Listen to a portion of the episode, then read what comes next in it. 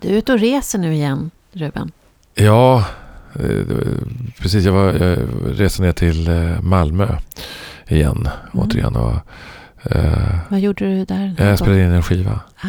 Ja, min musik och eh, Tanja Naranjos musik och mina texter. Och, Ja. Vi, vi, kan ju snart lyssna på dig här ja, i Stockholm. Ja, på Fasching den 21 januari. 21 januari, man ja. kan köpa biljett redan nu. Ja, du kan vara min manager. Eller vår manager, fan vad bra.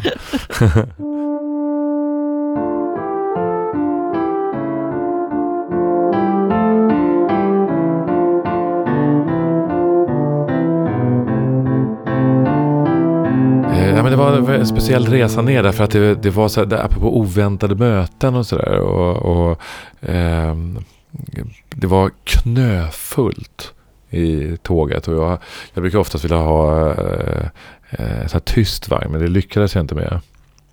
Så runt omkring mig så satt det ju eh, folk i olika möten, jobbmöten.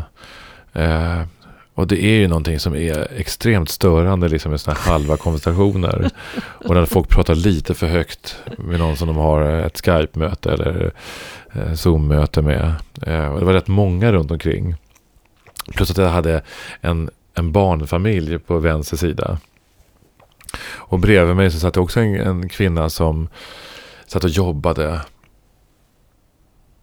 intensivt. och hade ett kort möte där som hon avslutade. Eh, också på Zoom eller något liknande. Eh, och sen så då hade... Eh, så stannade tåget och det var en lastbil som hade kört in i en, eh, en, eh, en bro. Oj. Ja, eh, resan blev tre timmar längre. Mm. I detta kaos. med barn som klättrade och frustrerade yrkesutövande män framförallt, men en del några kvinnor också, som undrade när tåget skulle komma iväg och att de var försenade och så vidare. Men då eh, Kvinnan bredvid mig stängde, stängde sin dator och så eh, tog jag, jag hade med mig en termos. Eh, eh, och så frågade jag om hon ville ha lite te och så började vi prata. Och sen utspann sig ett, en, en fantastisk konversation oss emellan. Som var väldigt öppenhjärtlig för två stycken främlingar. Eh, och där hon berättade att hon kom från Iran ursprungligen. Och hon pratade en Fant hon har bara varit här i tio år och pratade i princip utan brytning. Eh, och med en fantastisk eh, eh, eh ja, ordförråd och eh, formuleringar. Verkligen. Och, och hur hon beskrev sitt liv och hur livet hade blivit. Liksom, av att tro att hon skulle förmodligen hamna i Kanada men hon hamnade i Sverige. Eh, och gifte sig med en, med en svensk man. Och saknaden av sin familj. och eh, Traumat av, att, av, av att ha vuxit upp som ung kvinna i, i, eh, i Iran. Eh, och vad det var som triggar henne idag. Och, eh, att, att växa upp i ett land där ingenting var förutsägbart till att bo i ett land där det mesta var förutsägbart. Eh, ja, det, var, det var ett väldigt vackert möte liksom. Och, eh, då, då spelade det liksom ingen roll plötsligt att vi var tre timmar försenade. Älskar de där mötena. Ja, verkligen. Vad häftigt det låter. Ja. Så det, jag hade också ett sånt möte, eller ett sånt, men ett, ett eh, oväntat möte på tåget härom för någon vecka sedan. Jag åkte mot Stockholm. Och när jag skulle kliva på tåget så är det en, en liten flicka, jag bedömer att hon var sex, sex sju år, något mm. sånt där. Eh, och hade en pappa med sig. Pappan var jätteaggressiv, arg, förmodligen väldigt stressad. Mm. Och eh, han, han, skrek åt henne att här ska du sitta, här är platsen. Och nu eh, har du på telefonen hela tiden så jag kan ringa när som helst. Du får inte lyssna på musik, förstår du det?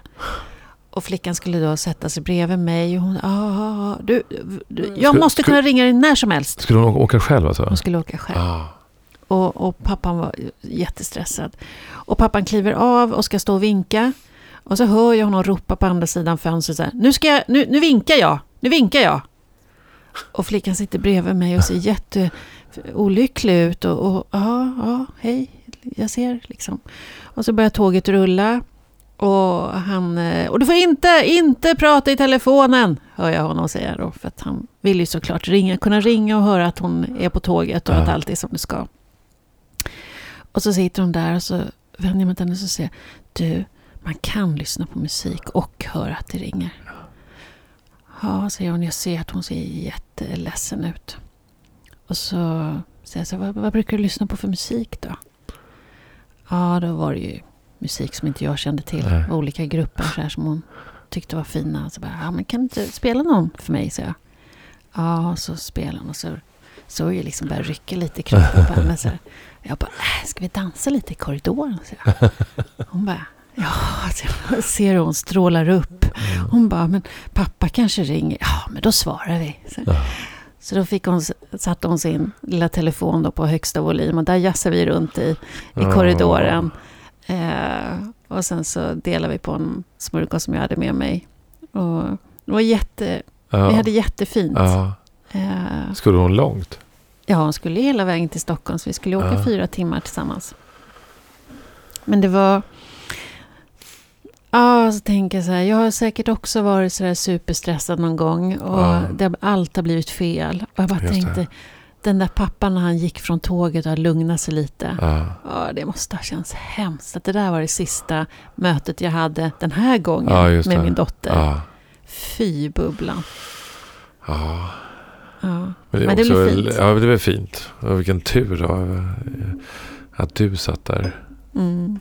Eller, det hade kunnat få, det hade säkert ordnats med någon annan också. Men just där när man ser hur det här barnet ser helt nedtryckt ut i Ja, skosulan. det. liksom, och Ja. ska sitta där helt ensam. Och inte få lyssna på sin musik. Nej. Ja, men det är, ibland så tänker jag ibland på sådana här grejer att, eh, att det ledde ändå till någonting. Alltså hela den här situationen av den stressade pappan, det lilla barnet, du satt där och nu sitter du och jag här och pratar om det. Mm. Att det finns någon slags vacker ordning i det där. Mm. Eh, där någonting eh, på något sätt blir lite helat längs på vägen. Det blev ju det Ja. redan i och med att ni dansade där. Men, Ja, men jag tänker också, precis som jag sa, jag har säkert också varit den där stressade Såklart mamman som inte hör och som Ja. inte ser. Och att det är så viktigt, man räcker inte till hela tiden. Nej. Ibland blir det fel för man pallar inte, man orkar inte. och sen också Och att- oron att släppa iväg ett barn Ja. på tåget ensam. Det, och det kanske var enda sättet att lösa det Man har här. ingen aning om vad Nej, det var för nej, historia bakom. Men jag tänker hur viktigt det är att vi, vi är fler vuxna, vi får Ja. hjälpas åt. Ja, Att eh, nu kör det ihop sig för den ene, då får den andra haka i. just det. Och att jag hoppas att alla de gånger när jag har gjort tok och Ja. kommer att göra tok, att det då finns någon annan där som hoppar in och justerar lite. Ja. Apropå att justera och hålla ordning och reda och sådär. Vi har en gäst idag. Vi har en gäst. Och inte vilken gäst som helst. Nej! Vi har Karin Götblad Ja. som gäst. Alltså att läsa om hennes liv, det är, det är, alltså läs, det är som att läsa en roman. Ja, verkligen. Ja. Alltså bara för att nämna något. Hon var ju en ung kvinna, så där runt 20 år. Och hon var ensamstående med två barn och hade hoppat av gymnasiet. Det var tufft. Det har hon ju vittnat om många gånger. Sen pluggar hon till förskollärare. Men inte nog med det. Hon pluggar juristprogrammet. Hon eh, blir tingsmeriterad. Eh, och sen så jobbar hon som chefsjurist. Men sen vill hon bli polis och så går hon chefspolisutbildning. Hon blir länspolismästaren, den första kvinnan efter 38 chefer. Ja, Eller 38, hörde du? Ja. Vilken felsägning. ja, 38 män skulle jag säga. ja. I bubblan. Så hårt sitter det. och det har bara varit män efter henne också för den delen. Ja. Sen blev hon nationell samordnare mot våld i nära relationer. Mm. Hon blev regionpolischef för Region Mitt. Och för ungefär sex månader sedan så eh, började hon jobba på NOA. Eh, det är en kvinna som har krossat glastak. Wow. Mm. Det ska bli väldigt roligt att få träffa henne. Ska du gå ner och hämta henne? Jag gör det. Gör det.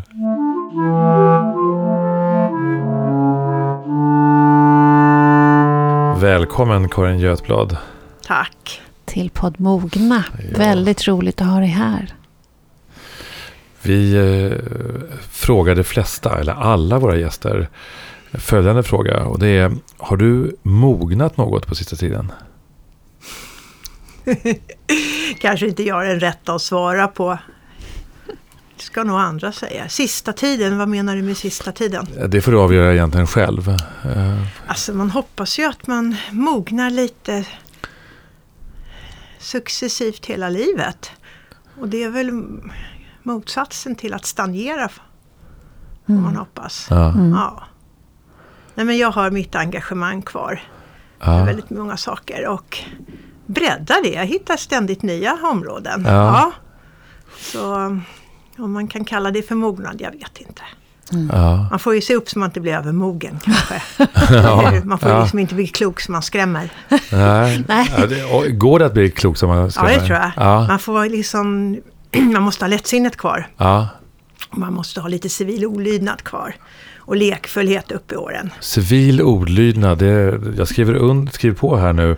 Och det kommer från en polismästare. Ja, Ja, vad in- vad- vad i in- den privata sfären naturligtvis. Ja, just det. Va, va, vad innebär det då? Att man vågar eh, göra lite... ehm, nej men inte alltid följa det som anses vara norm eller, eller förväntas. Ja, Det är ju lite så som utveckling händer. Faktiskt att man vågar gå emot det eller göra någonting oväntat. Även för en själv. ja, Och det tror jag också är det är sånt där som kan hämmas av att man blir för förståndig och mogen. ah, S- Och när det är istället tvärtom, att när man är trygg och mogen då kan man tillåta sig lite mer sånt. För då har man ju en ganska stadig kompass i kroppen förhoppningsvis. Ja. Det låter underbart tycker jag. verkligen. Karin, när visade du senast civil olydnad? Jag förstod att du skulle fråga det. jag kom på civil olydnad när vi, precis när jag sa det. Ja, det får, enligt min man så, gör, så skulle han säga varje dag med en suck. Ja. Du, bry, du bryter mot någon norm varje dag. Ja, Ja, jag, vet inte, jag ska inte sitta här och förhäva mig. ja, Men jag tycker att det är viktigt det där att man har lättsinnet och lekfullheten kvar. Ja. Tappar man den så, så blir man en väldigt tråkig person. ja. Då har man också svårt att se möjligheter när det dyker upp tunga, svåra eh, saker. just det. Så det är därför det är viktigt. Så jag försöker odla det Ja. och vara lite... Så det- egentligen är det så att civil olydnad, eh, om jag tolkar då, Ja. är någon form av slags av kreativitet Ja, eh, som du eh, Absolut. är ute efter. Så att, Ja, som du tar till när det är i ett allvarligt och svårt dilemma. Då kan du ta fram den här biten. nej det är inte nödvändigtvis svårt. För det kan vara när som. Ja, Ja, jag var väldigt engagerad i olika alternativrörelser som ung. Så jag Ja. har kvar de trådarna i mig. När Just det. det var olika saker i miljörörelsen redan då. Ja. Och jag var engagerad i Mullvaden, stoppa rivningarna Ja. i innerstan. Ja, så jag har en sån här bakgrund. Ja. Och sen är jag väldigt eh, ja, engagerad i sådana frågor som brukar kallas som mjuka frågor. Men det är ju hårdvara egentligen. För de är så viktiga i människors Exakt. liv och i vår utveckling. Och jag kan ju säga att jag är ganska oroad och det är jag ju inte ensam om nej. idag. För klimatet, för olika viktiga mänskliga värden som inte kan räknas alltid kanske i siffror och Exakt. pengar. Kultur är en annan sån sak som är otroligt viktig för hur människan, vilka sorts människor vi, vi vill vara. Ja. Jag brukar säga det ibland Ja. så här när Senast sa jag, apropå civil olydnad, i veckan nu så var jag i Visby och vinterbadade och det var plus två i havet. Och då började jag liksom övertala, jag är ganska bra på att övertala folk, så jag hade övertalat med en väninna. Eh, och hon var tveksam. Ja. och då sa jag så här väldigt så här, provocerande till henne, tänk efter vilken sorts människa du vill vara. Åh. Vill du vara en chicken som fegar ur eller vill du inte? Och vad svarar du? Alltså hon kände sig rätt pressad sa hon efteråt. det kan man ju förstå. Ja, hon ville inte vara en sån människa så hon gick liksom med sammanbiten mun och hoppade ner i, ba- i badet. Hon var ju Wow. glad efteråt. Ja. Så att jag använder det lite, inte bara i, som du trodde, tunga seriösa sammanhang. Nej. Nej. Men civil olydnad då, eh, som, som det som vi, så, på det sätt som vi brukar använda det. Mm. Ja. Jag tänker så här, eh, eh, i ditt eh, område som, Ja. som polis då, Ja, eh, och jurist.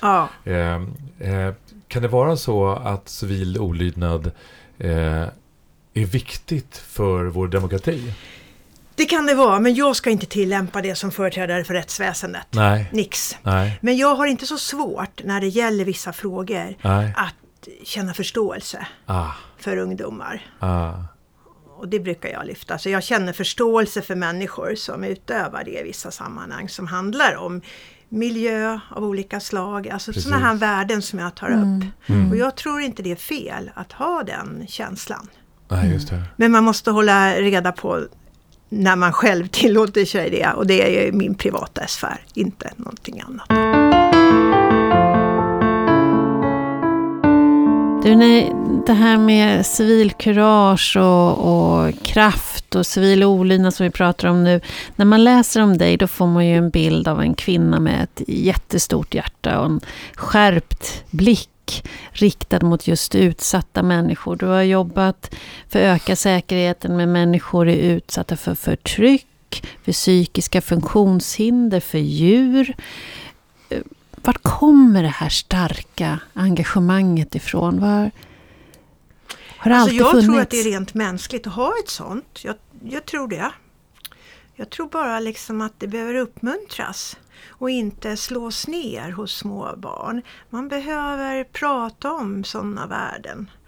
Ungefär som vilken sorts människa vill du vara? Ja. Vilket samhälle? Jag skulle önska och har föreslagit det faktiskt till och med att man skulle ha filosofi undervisning i skolan för små barn, på Mm. dagis.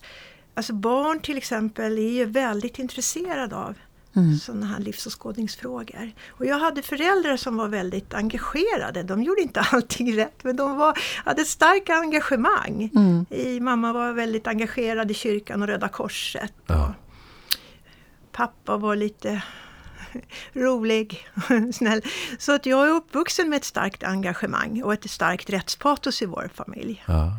Så um, jag tror att jag fick med mig det efteråt. Och sen har jag själv också, eh, ja när jag var ung, han, hade, jag, hade jag det tufft på olika sätt. Mm. Och då brukar jag råda människor liksom som har det att inte skämmas för det. Eller dölja det, utan tvärtom tänka efter vad det har givit dem. Mm. För erfarenheter, använda det som en kraft. Och det har jag lyckats göra, det jag vågar nog påstå det då. Så jag blev till exempel tonårsmamma väldigt tidigt och ja men ni vet, man behöver inte gå in på men all, alla saker som hänger ihop med det och på den tiden Mm. jag blev det på 70-talet. Det var Mm. ju tufft. Så jag blev mamma när jag hade gått ut grundskolan. Mm. Så ingen utbildning, inga vänner, inga pengar. Ja, det var starten med två små barn. Och då får man, om man inte har någon så här direkt talang eller begåvning, då får man bli väldigt envis istället. Mm. Och sen har jag alltid varit bra på att hitta bra människor. Alltså man har brukat råda ungdomar det. Ta på dig glasögonen och titta inte efter hinder. Titta efter människor som är bra, som du kan ta häng på. De finns överallt. Och jag har haft turen att träffa på bra människor. Och sen nu vet ni också hur det är när man sticker ut och är en person som sticker ut och är lite annorlunda. Mm. Jag har sökt mig till sådana områden helt enkelt för jag tycker jag gör mest nytta där. Ehm, då får man också fiender. Alltså man får folk som tycker att den där ska man trycka till eller hon ska inte vara så stöddig. Eller, eller man hotar och man gör människor rädda, människor som är Mm. väldigt viktiga för dem att vara inom sin lilla box. Och särskilt människor som har mycket makt eller upplever själva att de har det, eller är Mm. intresserade av det som är boxen. Mm. De blir väldigt oroade av mig. Ja. Mm. Så att man får, allting har ett pris, det ska man vara medveten om. Och hur har det varit för dig då att utmana eh, de här Mm. som då blir provocerade av dig? Alltså jag, nej men ibland åker jag på smällar såklart.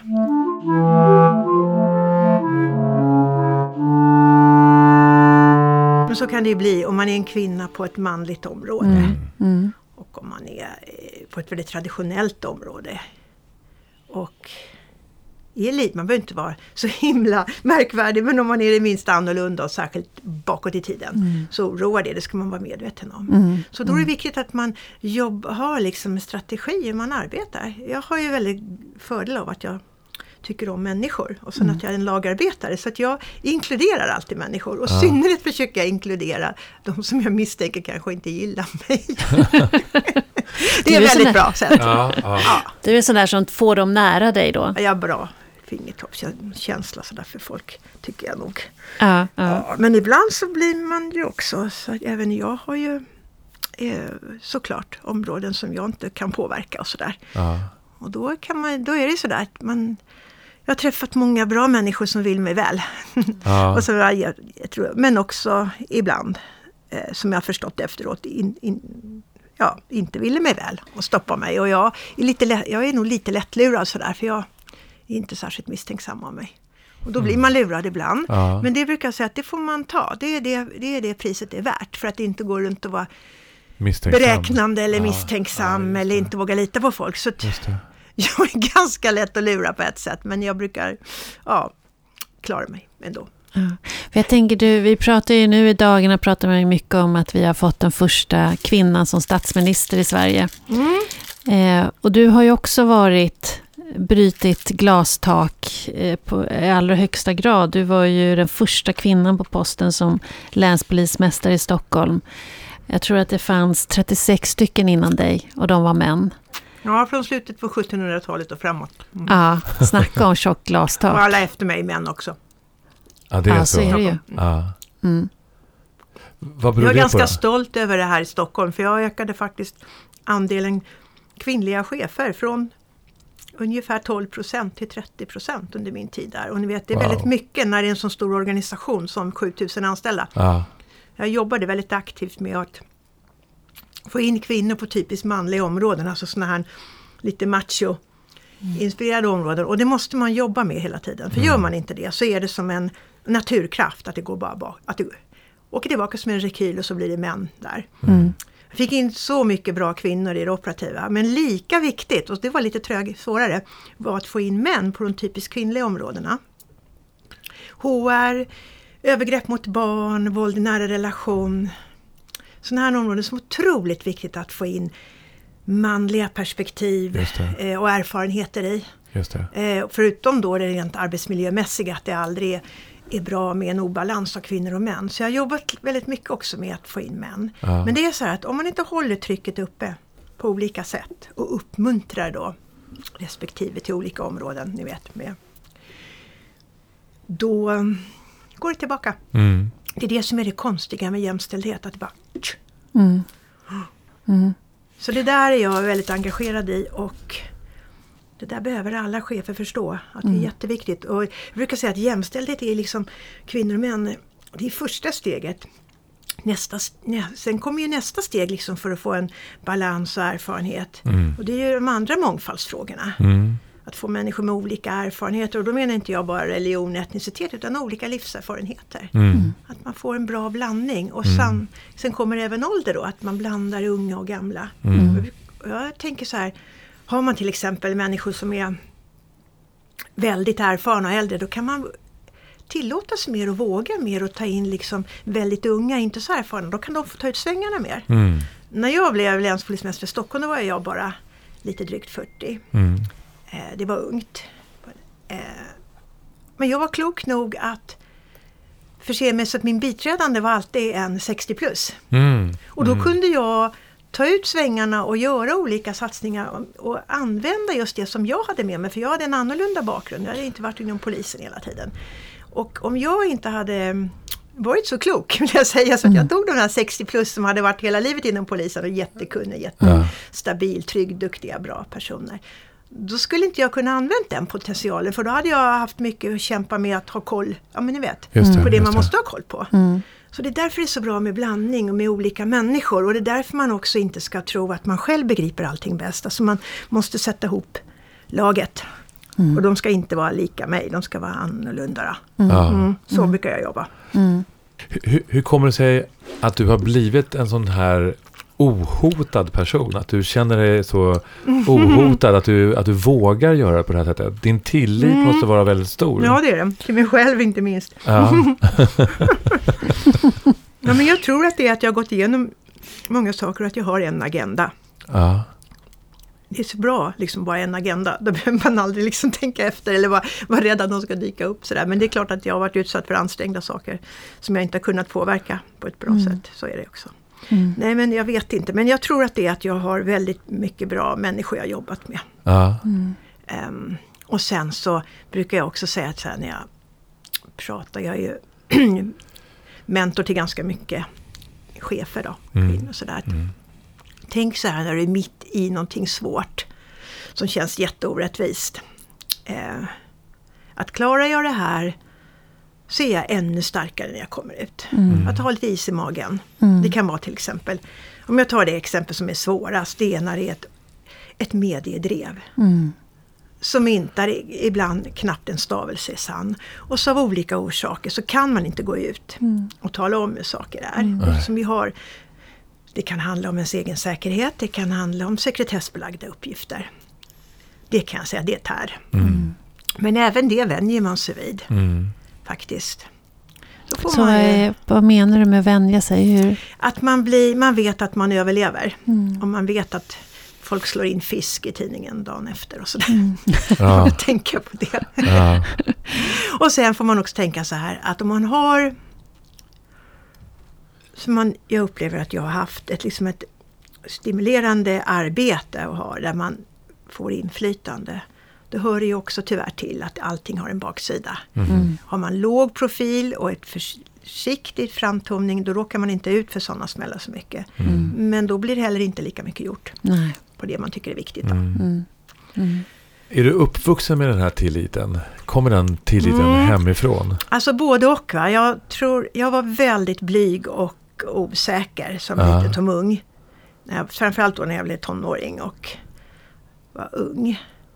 Men mina föräldrar hade alltid sagt till mig när jag var liten så här, att jag var klok. Ja. Ja men Karin hon är så klok sa de. Och jag tror det är jättebra, det vill jag säga nu till alla föräldrar som lyssnar. Säg det till era barn. Ja. Det behöver inte finnas ett uns av sanning i det.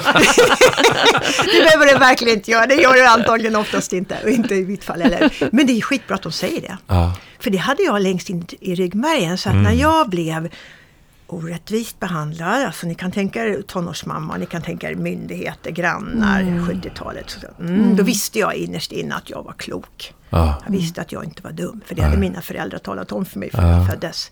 Sen sket de i mycket annat. Men ja. just det sa de och det var väldigt bra. Ja.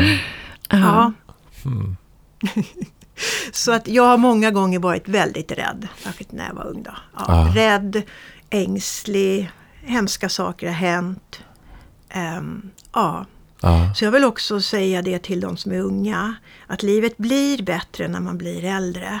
Och försök liksom när det händer hemska saker, när du är rädd, för jag har varit rädd i jättemånga år. Ja. Men då lärde jag mig en teknik och den funkar. Ta ett steg framåt när du är rädd, även om knäna skakar Okej. så känns det bättre efteråt.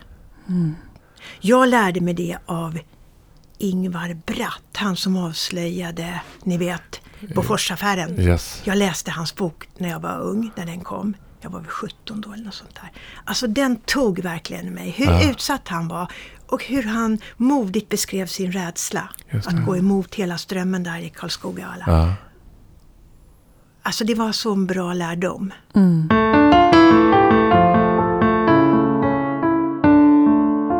Jag tänker faktiskt Mm. ofta på det också. Att Ja. när jag blir rädd, så vad du än gör nu, backa inte, brukar jag tänka för mig själv. Mm. Att det är... Men det svåra är ju Ulrika att när, alltså livet är ju inte svart eller vitt. Nej. Många gånger är man ju osäker, särskilt när man är yngre, för att det är gråzoner. Man Ja, vet inte precis. vad är rätt eller fel här. Nej, nej. Mm. Eller hur? Ja. Så jag är så här också att jag lyssnar mycket och så brukar jag också säga att bästa argument vinner och för mig är det inga problem att ändra mig. Mm. Mm. Alltså om jag får bra argument. Nej, men det är klart. Man gör, alltså ibland fattar man ju fel beslut. Ja. Men det är just det där att om man är rädd, ni vet rädd att stå upp för det man tycker är viktigt och Ja. sådär. Mm. Eller rädd för någon Precis. som har makt över en. Det. man vet att det här kommer jag få betala för. Alltså Mm. då ska man inte låta det styra. Nej. Det finns ju, Ja. det, det, är ju både en överlevnadsdrift i rädslan. Mm. Det finns ju, men det, också, det finns ju också en klokskap i rädslan. Vi, vi bör ju Ja. vara rädda i vissa sammanhang. Exakt. Eh, men det, det beror ju på vilken sorts rädsla vi pratar om. Mm. Eh, Och så precis, det är det jag menar att jag inte Ja. alltid har haft till att vara lugn. Jag har varit en väldigt rädd människa och det ser jag som en fördel. Ja. Att jag har haft eh, ängslan, ångest, depressioner när jag var ung. Ja. Alltså det är en styrka. Just Just, för att jag har lärt mig hantera dem. Ja, eh, Som en styrka. Då, då kan man faktiskt hämta kraft i det. just det. Jag har också varit med om saker som har gjort mig väldigt arg. Och istället för att bli bitter så kan man hämta kraft till förändring. Just det, att just man blir mindre rädd. Mm. Man skiter mer i vad vissa tycker. Liksom, och så gör man det som man vet är, tycker är, är rätt. Ja, Och, Men- ja, nej, men det, var, det var där du sa är väldigt viktigt. mm. Mm. Väldigt viktigt. Mm. Och jag till och med så här när jag var ung. För det är så här, jag vill säga det till alla, det vet ni ju att när, ju äldre man blir, ju, ju säkrare blir man. Mm. För att man har lagt saker bakom sig. Mm. Så man Just blir det. inte så här upprörd eller ligger vaken och tänker på grejer. För det kan, som man gjorde när man var ung. Mm. Och det är faktiskt jättebra. Men när jag var ung chef, då har jag varit med om saker där jag har känt mig väldigt hotad. Alltså när man har gjort förändringar så har jag haft vid en tillfälle underställda där jag känt mig riktigt hotad. Mhm. Mm. Eh, och, och det kan chefer råka ut för. Mm. Mm. Kommer in under huden. Ni vet, det kan ofta vara människor som man litade på och kände tillit till för att de var väldigt skickliga och duktiga men som visar sig vara, ja jag tvekar inte att säga psykopater. Mm. Ja. Det har vi överallt och de är extremt duktiga på att manipulera. Och då har jag tagit hjälp av en klok arbetsmiljöpsykolog. Ja. Så det brukar jag rekommendera unga chefer hos mig. Mm. För då kan man lära sig en teknik. Mm. Hur man håller en bit från kroppen. Så jag brukar säga, börjar du ligga vaken på nätterna, då är det nästan alltid något personalproblem när Mm. chefer gör det. Mm. Ta hjälp, låt inte det dränera dig på energi. För det gör det ju om jag inte får sova. Mm. Exakt. Så att jag, och det, jag har lärt mig bra tekniker där. Så att jag är bra på att be om hjälp. Det är också ett för jag har klarat mig. Jag är bra på att be om hjälp. Ja. Och proffs. Ja. Mm. Och, och, och, och i det så finns det ingen svaghet eh, i att be om Nej. hjälp. Det är tvärtom, det är en Ja. styrka. Och det kan vara till exempel när jag var yngre också att vi hade gjort någon insats som inte hade gått bra. Mm. Mm. Då brukar jag samla alla. Så brukar jag börja med mig själv. Mm. Det här beslutet tog jag. Med facit i hand kan jag se att det var inte bra. Mm. Eh, Ja, men du vet, det är inte så att människor får mindre förtroende för en. Så chefer ska inte vara rädda för att erkänna att de har gjort misstag. Mm. För det viktiga är att man lär sig av misstag. Ja. Och vi har ju en verksamhet där man alltid får facit efteråt. Och man gör sitt bästa brukar jag säga, men det räcker inte alltid. Nej. Så man får bara mer respekt av det. Men jag tänker Karin, jag hör dig. Du, har varit, eh, du säger att du har varit utsatt för hot, du har känt dig riktigt hotad, du har varit, varit riktigt rädd, du har varit utsatt för svåra saker. Och så har du vänt det här till en kraft. Du har vänt det här till Mm. att, som du nu kan ha, inte bara nu utan tidigare också använt. Och det jag sitter och tänker på, vad är skillnaden mellan den som går under, som blir trasig, och Åh. den som kan använda det till sin Mm. kraft? Alltså vad är det som... Jag skulle vilja säga att ibland kan det du? vara en hårfin skillnad. Alltså det kan vara slump, Mm. tur. Mm. Eh, så kan det vara. Mm. Men jag tror att det här, tyvärr, att livet är inte rättvist. Mm. Jag tror att det här att mina föräldrar lärde mig tidigt att jag inte var dum. Var en bra sak att ha med sig. Mm. När jag hade det väldigt, när jag varit utsatt när jag var ung. Det tror jag. Ehm, jag tror att det är en väldigt bra sak att jag hade också med mig i ryggmärgen att jag skulle utbilda mig, skaffa mig en utbildning. För det fick min mamma aldrig göra. Mhm. Och det, hon, var väldigt... Eh, hon hade en stor, hög självbildning. Men Mm. hon fick inte läsa för hon var flicka. Mm. Så jag har också utbildad, jag är välutbildad. Mm. Mm. Och det är också en kraft. Alltså man får bygga på med teknik, med erfarenheter, men också se möjligheterna. Och i ett land som Sverige så finns det nästan alltid möjligheter. Mm. Brukar jag faktiskt också förmedla att inte sätta på sig offerkoftan. För det kan jag säga att på 70-talet då blev man närmast uppmuntrad som det som ung mamma av Mm. socialtjänsten. Att Mm. oj, oj, oj vad synd om dig. Mm. Sådär. Det är en jättefarlig fälla. Och den är ju väldigt bekväm Mm. Att Verkligen. sätta sig hemma. Så den, det gick jag inte på. Nej. och det är nog för jag kommer från landet liksom, där måste saker funka. Mm. Ja, det är fantastiskt tycker jag. Det, I den berättelsen, vilken kraft det blev och vad du har lyckats åstadkomma hittills.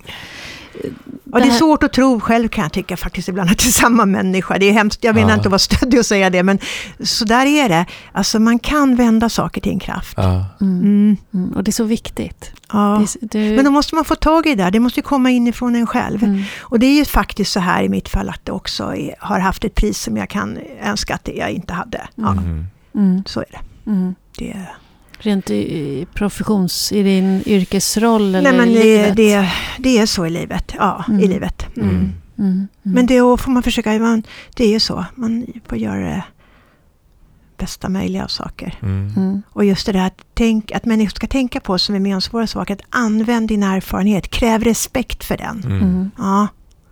Och försök aldrig dölja om du är annorlunda och liksom saknar någonting. Liksom lyft fram det du har istället. Mm. Om det är helt annorlunda mot vad omgivningen har. Jag Mm. brukar berätta ibland att när jag blev länspolismästare i Stockholm, och jag känner mig verkligen respekterad där och uppskattad. Men mitt första, jag är ju en annorlunda fågel för de som var där såklart, det fattar jag ju. Så besökte jag alla olika enheter och så besökte jag piketen Mm. utmärkta personer. Men klart att de inte gjorde vågen tror jag när jag började med att tala om mina erfarenheter från som dagens föreståndare. Men det är ju lika bra att vara den som säger det med en rak snyting framåt. Liksom. Ja. Och sen om man möts av, liksom, ni vet, sådana små härskartekniker, då får man låtsas som att man inte märker dem. Det gör jag. Så bara, se glad ut. Ja. Du och jag, Bengt-Göran, vi Ja. bildar team nu när vi. Så man får ju som skaffa sig lite så här okänslig, eh, vad ska man säga, ut, liksom skydd ovanpå. Så man får lite teflon ja. och så gott humör. Men du, jag tänker i, i, i din, som kvinna, eh, första kvinnan på plats, du säger att du har jobbat med att rekrytera in fler kvinnor, få fler kvinnor på de positioner som i vanliga fall är mansdominerade i din Mm. bransch och har verkligen med skarpt öga försökt att jobba med det här. Eh, när jag jobbar i din bransch som konsult så kan jag ju då eh, se att när man frågar, vilket också visar sig i studier, att varför är det så få kvinnor som vill bli ledare inom, inom polisen? Frågar man männen så säger de att kvinnorna saknar självförtroende, tillit till sig själva, de, de saknar eh, drivet, alltså viljan. Eh, men framför allt är de, eh, de tror inte att de kan. Mm. Medan frågar man kvinnorna så säger de å andra sidan att det handlar om att de blir så hårt dömda, de måste anstränga sig så hårt, de måste hela tiden vara så väldigt mycket bättre än männen, då än majoriteten. Och att det är så tufft, tuffa normer. Hur, Mm. hur har du manövrerat Alltså jag skulle i det nog här? vilja överraskande säga att jag tycker männen har mer rätt än kvinnorna där. Ja, ja. Faktiskt. Ja. Jag tycker att det ligger mycket i det som de säger, om man nu generaliserar Ja. grovt som vi gör. Ehm, det tycker jag faktiskt. Kvinnorna är lite sämre på att kliva fram och ta plats, räcka upp handen. Alltså, de är Mm. det. De är Mm. mer självkritiska. Och så tar de saker mer personligt. Mm. Det är väldigt, väldigt lätt att göra. Man är väl uppfostrad så, inte vet jag. Mm. Um, Medan en man, eh, om man generaliserar, snabbare skakar av sig det. Ehm, ja, man kanske måste vara duktigare, men framförallt tror jag det är så här. Att man blir hårdare granskad, det är det. Mm. Jag tror att det är det man kanske menar. Mm. Ja, det Man blir hårdare också granskad och framförallt om man sticker ut hakan. Mm. Och gör man misstag så blir det så väldigt mycket större. Kan det också bli, Mm. absolut. Jag tycker att det är också så här, ni vet, det är lite så här subtila grindvakter här och var. Och det är därför jag har jobbat så mycket med att försöka få in män på typiskt kvinnliga områden. Och så måste man lyfta fram och synliggöra kvinnorna hela tiden. Det är jätteviktigt för andra kvinnor ska se det och för självkänsla. För det gör inte kvinnorna de flesta kvinnor gör inte det tillräckligt bra. Jag har jobbat mycket med det. Att synliggöra mig och mina värderingar när jag är chef. Bara för jag vet att det är jätteviktigt. Mm. För att få genomslag. Och sen får man ta att det alltid reta några. Så att det är några som försöker sätta krokben. Men det får, det, det får man ju räkna med. Mm. Ingenting är enkelt. Eh, Men det är en sån här viktig sak som kvinnor är lite för ängsliga för. Mm. Och tar lite hårt när de får kritik. Och så har vi otroligt duktiga kvinnor som är väldigt så här låg profil. Ehm, så det är komplicerat det där. Mm, Men jag kan säga att summa summarum, vi behöver mycket mer kvinnor. Mm. Och mycket mer kvinnligt tänkande på operativa positioner inom polisen. Och idag med den Vad är kvinnligt tänkande? det är att tänka Ja, nu är jag generaliserad. Mm. Men det är att tänka lite mer utanför boxen. Tänka på sådana värden som inte omedelbart liksom ger pulshöjningar. Ni vet, nu har vi jättemycket grov organiserad brottslighet. Mm. Jättemycket skjutningar.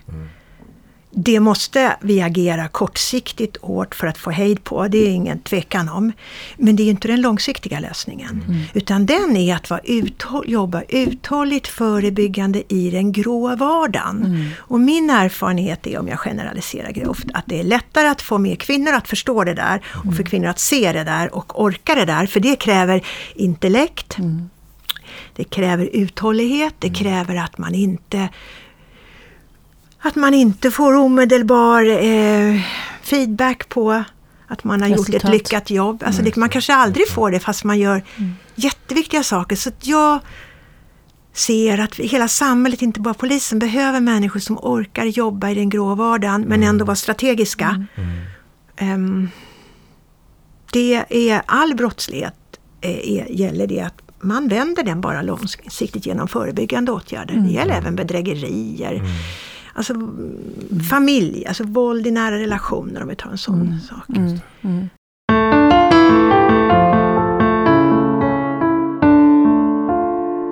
Eh, Jag jobbar mycket nu mot socialtjänsten. Mm. Att försöka vrida om deras arbete och även polisen till viss del såklart. eh, Så man kommer in tidigt. Mm. Det är här man kan göra förändringar och det är här man kan gå in i familjer med hjälp och stöd utan att föräldrarna blir så rädda. Mm. Mot om socialtjänsten kommer när barnet är 16 år Mm. och omhändertar det. Mm. Och vi vet att placeringar på ungdomshem är in, det gör inte människor bättre. Det är nödvändigt ibland för det finns, de är jättefarliga. Mm. Eh, Men det, in med hjälp och stöd och det gäller all typ av problem. Och så lyssna på dem det berör. För det är nämligen så här att de människor som är berörda har ofta de bästa lösningarna själva. Om man bara tar sig tid och lyssnar Mm. så är det inte så svårt att förstå vad som behövs.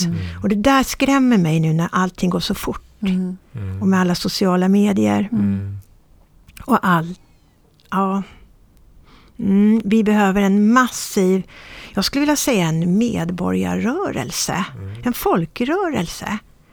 Ungefär som står upp, vilken sorts samhälle vill vi ha? Mm. Hur vill vi att våra barn ska växa upp? Och då måste personerna själva som är berörda, Mm. om vi tar utsatta områden, om vi tar Järvafältet.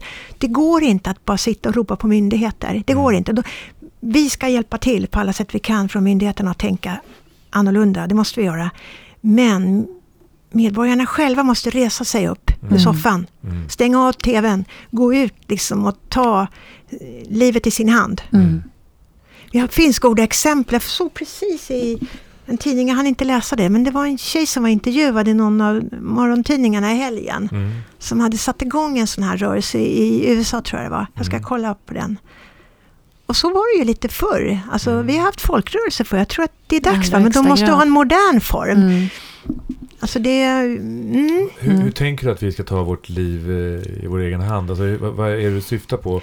Eh, Att man engagerar sig. Alltså det är ändå så här att även om människor har svårt, jag brukar tänka så här, även om man har svårt och bor i en jättetråkig förort så är det ändå så här att vi i Sverige, de allra flesta av oss som bor här, har det, om vi jämför med övriga världen så kan vi inte säga att vi är fattiga. Mm. Sen är saker orättvist fördelade, men det är en annan fråga. Mm. Eh, vi har tillräckligt eh, med mat att stoppa i mun och kasvas för att faktiskt ta utvecklingen i våra händer Mm. och engagera oss tillsammans. För det är ju så vi alltid har gjort i Sverige, att vi engagerar oss tillsammans kollektivt. Mm. Så önskar jag. Så ger man också människor hopp.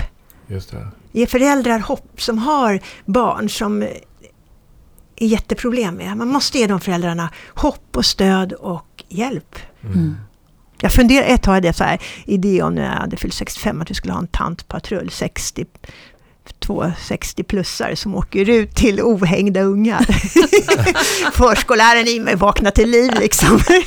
Ja, men det vore ju helt det. Ja, jag underbart. tänkte det, men alltså-.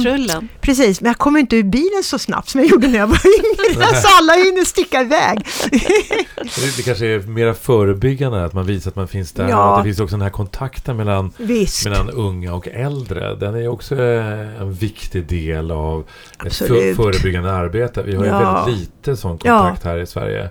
Mellan eh, unga Ja. och äldre. Och det, på Södermalm har vi lite äldre herrar som är 60 plus som fotpatrullerar. Och Och de är Ja. enormt uppskattade Alltså, AN. Ja. Så det är ett initiativ som har tagits där Ja. i toppen. Du, apropå att du nu eh, är 65. Eh, jag läste Mm. någonstans om att du är se- 65 och nu är det dags för dig att växla upp. Ja, Man tänker att hela din karriär har ju bara varit ett enda uppväxlande och nu Mm. crescendo. ja men jag, ska, jag möts, liksom, jag märker ålderismen i samhället. Ja. Mm. Mm, berätta. Nej men alltså kvinnor 60 plus, Ja. jag vill nog påstå det, att kvinnor är mer utsatta än män här. Mm. Eh, nej men jag får höra att jag är för gammal liksom för operativ chefstjänst och så här. Sånt möter jag. Mm. Ja. Oj. gör mig jätteförbannad som ni förstår. Tycker jag inte alls. Jag håller inte alls med om det. Man ska, Tänker man ska ha blandning. Unga, gamla, det är det allra bästa. Ja. Tror du att det är skillnad på att vara man 65 och kvinna 65? Ja, det tror jag.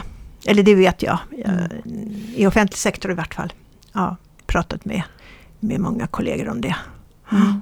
Och beroende på vad det är för slags verksamhet såklart. Mm. Ja. Så tänker Titta du? bara liksom runt. Eh, nu såg jag att Mia Brunell skulle satsa Ja. på äldre och yngre. Och jag tyckte det var precis det som min erfarenhet var. Att om man har äldre trygga kan man också satsa på riktigt unga. Mm. För de behöver få in, de är ju framtiden. De behöver få vara med och bestämma hur Mm. saker och ting ska bli. Mm. Mm. Och då tror jag också att vi får med de här frågorna som vi medelålders och äldre är för bekväma för att orka ta i. För att då, måste, då blir vår vardag liksom lite besvärligare och inte lika bekväm. Nej. Så det där tyckte jag var jättebra. Så det kommer. Mm. Men eh, jag, jag, jag, mm, det där gjorde mig förvånad och förbannad. Mm. Men jag det. försöker vara glad och göra det bästa av situationen och lägga mig i så mycket jag kan. Då. Ja. så jag har, vikt, jag har roliga och viktiga arbetsuppgifter. Mm. Mm. Mm. Men jag skulle gärna vilja vara mer operativ och i, mer i, i chefsposition. Men jag, jag jobbar väldigt mycket strategiskt då, nationellt Mm, med mm. just ungdomar och kriminalitet och mot kommunerna. Hur ska vi hejda det här? Mm. Men det måste ju betyda att vi pratar ju om Mm. mognad i den här podden. Att mognad är ingenting man, man eh, belönar då. Nej, alltså i andra länder har man en syn på att visdom och respekt för äldre mera än Sverige. Det här är Mm. typiskt svenskt. Mm. Det här med ålderismen och att man håller på och tjatar om hur gamla folk är. Istället för att se, har de engagemanget kvar? Mm. Eh, vad vill de? Vilka drivkrafter finns det?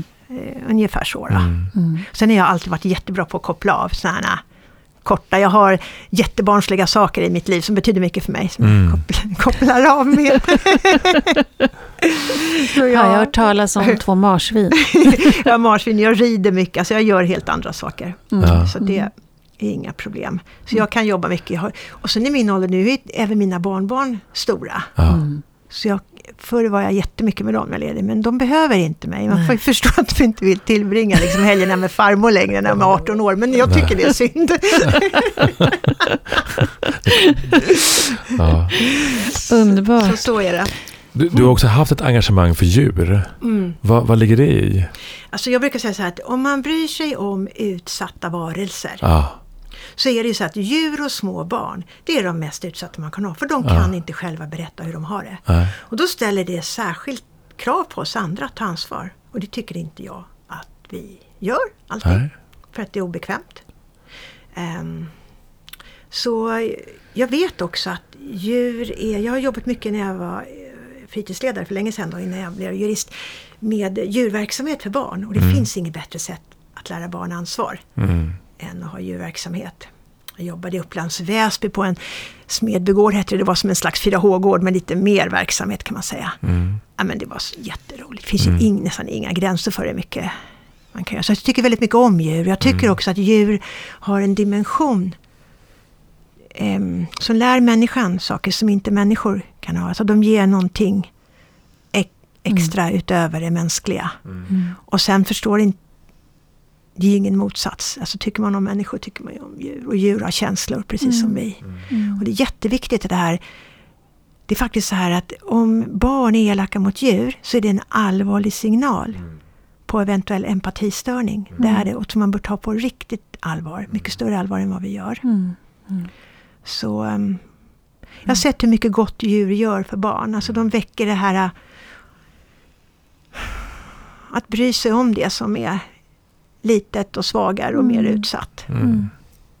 Mm. Och sen har jag marsvin och det är bara för att det finns ju inget snällare djur. Jag kan, det där djuret, marsvin kan ju aldrig klara sig i naturen. De har inga försvarsmekanismer. De är bara gulliga och snälla Ja. och rara. Ja. Underbart. Så jag lägger upp bilder på mina marsvin hela tiden på Facebook. Jag är med i olika marsvinsgrupper. Och min man brukar säga att folk tror inte du är klok, Karin. Och jag hade, ja, ni förstår, jag hade en jättegullig bild på mitt lilla marsvin Roger.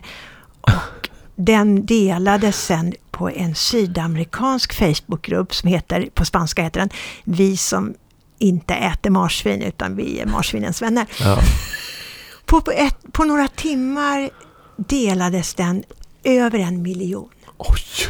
Och det var över 200 000 kommentarer. Och så var allting var ju på spanska. Då. Ah. Men jag klickade in där och så, så finns det ju så bra så här översättningsprogram. Ja, det.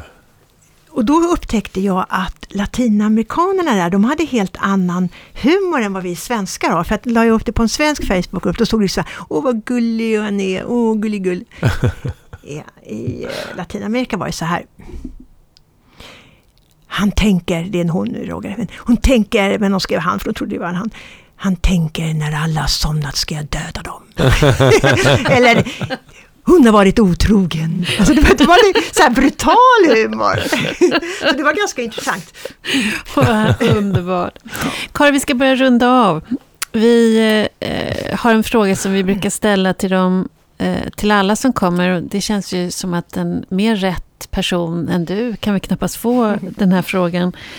Eh, men vi brukar prata om hur, eller så vi har en önskan, hur kan man få vårt samhälle att kollektivt mogna, att Mm. utvecklas? Bra Vad tror fråga. du kan behövas? Jag skulle vilja säga att det är ett skriande behov. Vi är i en jätteallvarlig situation idag. För vi har ett samhälle där så stora grupper lever i samhällets utkanter och utanför. Det är jätteallvarligt. Alltså jag, det handlar om framtiden och överlevnad. Det handlar om alla de här frågorna som går i varann. Och så ser vi liksom ett samhälle som faller isär mer och med större och större avstånd och större och större klasskillnader. Och jag har ett jätteviktigt svar på det som gäller i alla lägen. Inkludering. Inkludera människor hela tiden.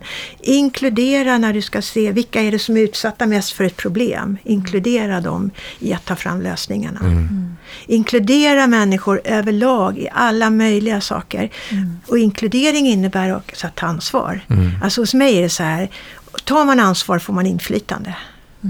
Men sitter man på parkett och tycker bara, då får man ingen inflytande hos mig. Men kavlar man upp armarna och så får man jobba med saker precis som det är. Hörrni, att man jämkar. Man får ju vara pragmatisk. Man får både ta hänsyn och jämka, dra in sin haka. Och så får man driva på både och. Så jag skulle vilja se inkludering som det viktigaste i, i Verktyget. vårt land, ja, överallt. Mm. Klimatet är ju bara en sån sak. Mm. För nu är folk i sina egna bekväma Mm. Ja. Tänk bara liksom, ja, nej jag ska inte utveckla det. har vi inte tid med. Men bra fråga. Men det är ju, ja, och det, och det är också svårt. Alltså nu, Ja, nu är vi, lever vi så isolerade. Det är ju så fantastiskt nu med de här mammorna. Från, först var det ju Södermalmsmammorna som Mm. åkte till Järva, Jär, eller först var det Järvamammorna som åkte in till Södermalm och tvärtom. Att det är så lite sånt, nu pratar vi bara lilla Stockholm, men Ja. så lite sånt vi ser. Ja, och det där kan bli början på något mycket större och mer. Mm. Att man gör så och att också vi myndigheter stödjer det på rätt sätt. Mm. Eh, jag tycker det är jättebra. Mm. Och människor är kloka. Det är Mm. det som är så bra. Mm. Att även om man blir väldigt arg ibland på hur folk är så får man komma ihåg att människor är kloka. Mm. Så att om man bara låter människor säga vad de tycker, upp med alla problem på bordet, inte dölja någonting under mattan, så löser det sig. Mm. Mm. Så är det. Mm. Tack Karin Mm. för att Tack du kom själv. till Poddmogna. Tack så hemskt Tack. mycket. Tack. Tack. Tack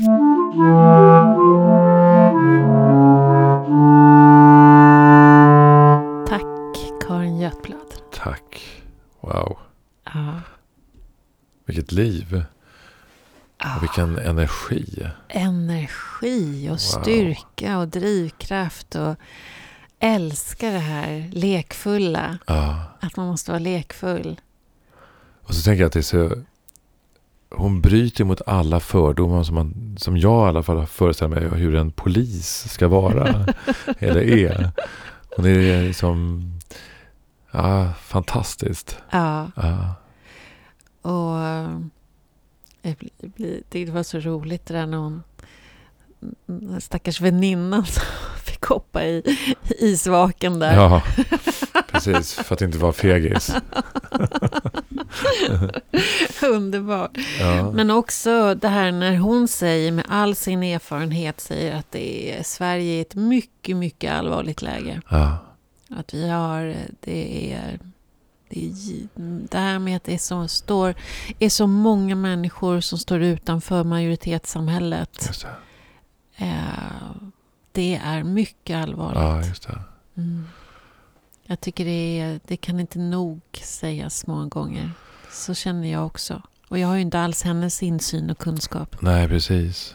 Och jag, jag tänker varenda gång, för det, nu sa hon det med en fas och jag har hört det några gånger tidigare också. Och jag tänker alltid, vad, vad, vad kan vi göra? Mm. Vad ska vi göra för att det här Mm. ska kunna... Hur ska vi eh, involvera de här människorna i utanförskap? Mm. Eh, och det här, det tycker jag, jag tycker många av våra gäster som har givit svar på det. ja, Alltså olika svar, fast de egentligen handlar om samma sak. Karin sa ju inkludering. Diamant det, sa samma sak. Ja, just det. Precis. Emma sa samma sak. Ja. Om bubblandet. Ja, det. Att vi måste ta oss utanför vår comfort zone och ge oss ut. Men inkludering är ju eh, nog eh, det magiska spöet Mm. som, som det handlar om. Mm. Att, att bjuda in Mm. på, på, på väldigt många olika plan. Mm. Även på det här som man kan tycka är som vi kan tro är mindre betydelsefull, betydelsefullt, alltså på det personliga planet. Mm. Att bj- bjuda in någon från en helt annan bubbla Mm. in till ditt hem. Mm. Eh, Och det finns ju många organisationer man kan just vända det, sig till. precis. Jag använder en organisation eh, eh, där man kan bjuda på en middag. Nu, nu har det ju varit pandemi så nu har det varit digi, det, digifika och Ja. digimiddag. Ja. Men annars så mm, man, man förbinder sig till att som etablerad svensk att eh, bjuda in någon som då inte är etablerad. Just det. Och det enda kravet är att man pratar svenska. Att, att, Just det det. att man inte glider in på engelska utan håller sig på svenska. Ja, just det. Ja, nej, det, det är så viktigt Ja. att vi gör det ja, allihopa. det är väldigt viktigt. Och sen behövs det ju på andra områden också som är Mm. mera organiserat på ett annat sätt. Mm. På ett, på ett, hö- på ett eh, ja, inte minst i, inom arbetslivet och så vidare. Mm. Så att vi får en, en större integration. Det är där jag tror att en, en stor del av det här utanförskapet ligger. Mm. Eh, känslan av att inte tillhöra, att inte ha någon betydelse. Att, eh, Ja, att Eh, inte ha en plats. ja. Att inte ens röst är värd att lyssnas på. ja, Att jag inte får vara med och bidra. ja, Det är, alltså jag kan inte tänka mig något värre. nej, Det är... Nej. Jag, tänker, jag har ju jobbat väldigt mycket och varit aktiv i olika folkrörelser. Och det slår mig ofta hur, hur vitt det är. Och hur likformigt det är. ja just det. Att det inte ens folkrörelser har lyckats involvera och inkludera. Nej. Och sen eh, tänker jag, det är riktigt att det är viktigt att vi eh, noterar det. Mm. Och att vi eh, också agerar. Eh, men saker och ting måste också få ta sin tid. Jag tänker att det att eh, eh, förändringar behöver ta sin tid. Liksom. Sen är, kan man säga så här att sådana där saker kanske inte är eh, supersvåra. Eh, att bjuda in eh, i olika i folkrörelseaktioner eh, andra människor från olika kulturer. Men det, det kanske inte är helt givet i, i, i dagsläget. Vi har inte de kanalerna ännu. Ja, fast jag håller med Karin. Ja, Att, eh, jag tror också att det är bråttom. Vi kan inte hålla på och sitta och vänta ut tiden. Nej. Utan nej, jag tror faktiskt att vi var och en måste kavla upp ärmarna och, och, och inse att nu måste vi bidra här. ja, ja. Precis, som, jag menar, precis som vi en gång ställde upp bakom kvinnors rättigheter och lagstiftade Ja. och stod upp för, eller barns livsvillkor Ja. och med agalagar. Och, alltså, det behövs ett massivt stöd. ja, Människor måste börja agera. Så tänker jag. ja. Ja, men jag, jag tror att det är helt rätt. Och vad jag menar är det, alltså att vi måste hitta de rätta kanalerna. Så att, att man når ut i de här områdena med och, eh, alltså, aktiviteter som du eh, hänvisar till. Som du eh, betecknar som väldigt vita. Så de verkar ju inte vara givna i alla fall. Nej, nej, nej, nej. nej. Det håller jag verkligen med om. Mm. Att tänka utanför för boxen. Mm. Ja. Och där mm. verkar ju Karin ha en viktig roll. Ja, verkligen. Ja, och hennes kraft behövs. Ja. Ja, men när hon i alla fall tog upp eh, ålderssegregationen mm. som ett problem. Verkligen, och det är väl många som skriver under. Och, och, det finns ju undersökningar som visar att framförallt kvinnor är utsatta för åldersdiskriminering. Ja. Att både vara kvinna och 60 plus, det, det är eh, problematiskt. Mm. Och möter man då en 65-åring med Karins energi, mm. Erfarenhet så tänker man att här finns hur mycket kraft som helst mm, mm. att bidra med. Mm. Alltså, oh, vilket värde. Mm. Det är märkligt det där. Det är märkligt det där att vi har någon slags eh, syn i vårt samhälle att från det att man fyller 65 eller 67, ja men då har man plötsligt ingenting att bidra med. Då ska man gå hem. Ja. Det är konstigt. Det är väldigt konstigt. Och hon uttrycker sig själv att nu är jag 65 och nu är jag redo att växla upp. Ja. ja, det är, det är underbart. Så vill jag också känna när jag är 65. Ja. Mm. Det är en ynnest faktiskt att ja, få göra det. Faktiskt. Mm. Tack för idag. Tack.